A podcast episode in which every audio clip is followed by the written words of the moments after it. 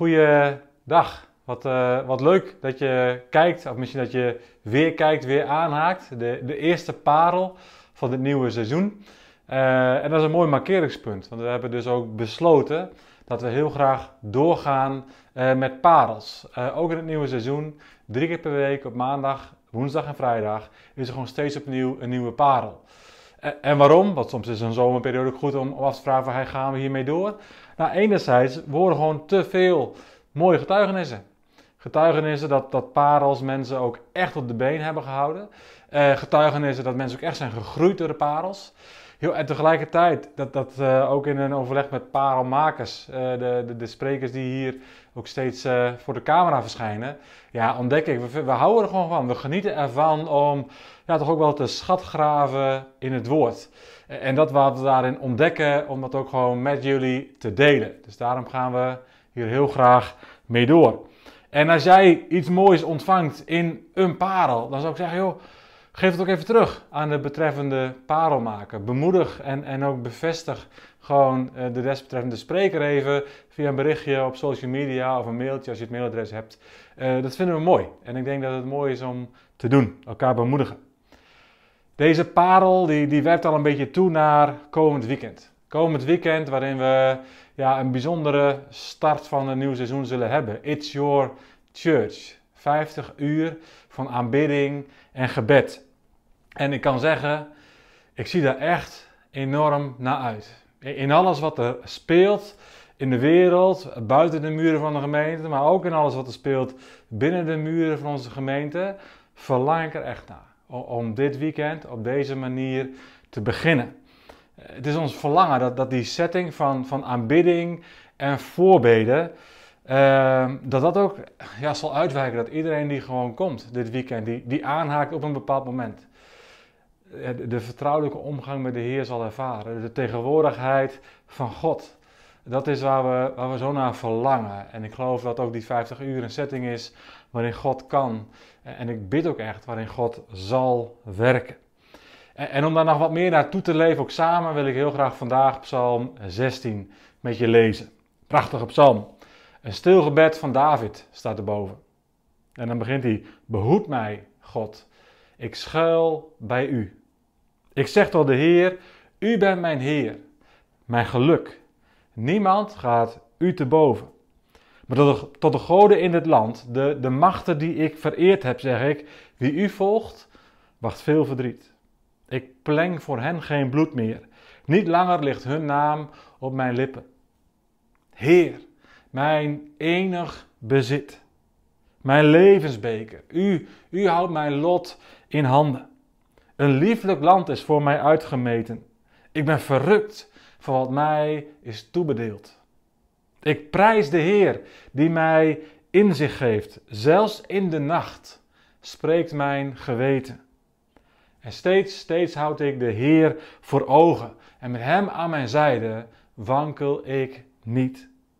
En daarom verheugt mijn hart zich en, en juicht mijn ziel. En mijn lichaam voelt zich veilig en beschut.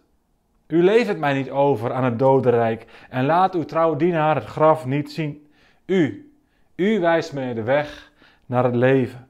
Overvloedige vreugde en dat is zo mijn verlangen over komend weekend. Overvloedige vreugde in uw nabijheid. En voor altijd een plek, een lieflijke plek aan uw zijde. Ja, een van de vele prachtige psalmen. Een, psalm van David. Een van de bekendste figuren uit de Bijbel. En het mooie aan David is dat hij iemand was die altijd God zocht. In goede tijden, in slechte tijden, of er nou wel of of er nou niet een gebedsmoment en was gepland. David was van de partij. David zocht naar die vertrouwelijke omgang met God. Zo vaak. Op het moment dat hij de fout was ingegaan, maar ook op het moment dat hij, dat hij kon genieten van, van overwinningen, ook in de naam en in de kracht van de Heer. Dat alles op rolletjes liep in zijn leven. En weet je, en dat is een van de redenen waarom God van David hield. Oh, hij maakte fouten zat ernstige misstappen zelfs in zijn leven.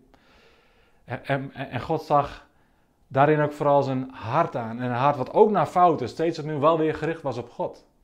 Om die relatie te herstellen. God zag zijn hart aan, niet zozeer zijn fouten. En dat vind ik zo kostbaar. Dat, dat we ook vanuit hier alleen al mogen beseffen, ja, we mogen altijd opnieuw beginnen bij de Vader. En de psalm die geeft de indruk dat die geschreven is en gebeden is, ook weer op zo'n moment dat, dat David onder druk stond. Ja, behoed mij God. En, bij u schuil ik. Dat, uh, dat zijn de eerste woorden. En, blijkbaar uh, heeft hij echt behoefte aan bescherming. Is, is een noodzaak tot bescherming. En het is eigenlijk een prachtig lied. Het is een prachtig uh, gebed, een, een, vraag om bescherming aan de ene kant, maar dat combineert hij met een, met een uiting van, van diep geworteld vertrouwen in God.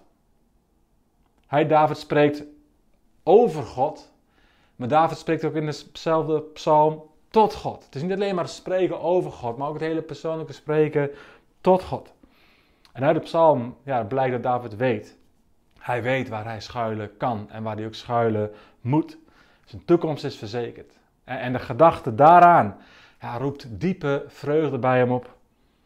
En vanuit het gebed van bescherming in het eerste vers bezingt David eigenlijk de Heer in de rest van de psalm als, als de God als voorziener, God als begeleider, God als gever van het leven. En kern daarbij is vers 8. Steeds, steeds houd ik de Heer voor ogen. En met Hem aan mijn zijde wankel ik niet. Steeds houd ik de Heer voor ogen. En steeds, dat is best vaak. Dat is nog veel meer dan alleen maar een mooie afgeblokte 50 uur. Hoe mooi en hoe goed en hoe krachtig dat hoop ik ook zal zijn. Steeds, ook buiten die 50 uur. David hield de Heer voor ogen.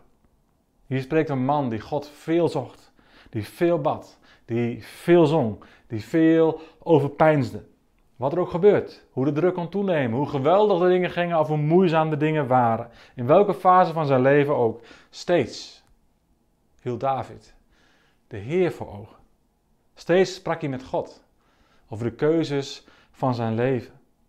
En wat een voorbeeld voor David. Wat een voorbeeld voor ons is David hierin.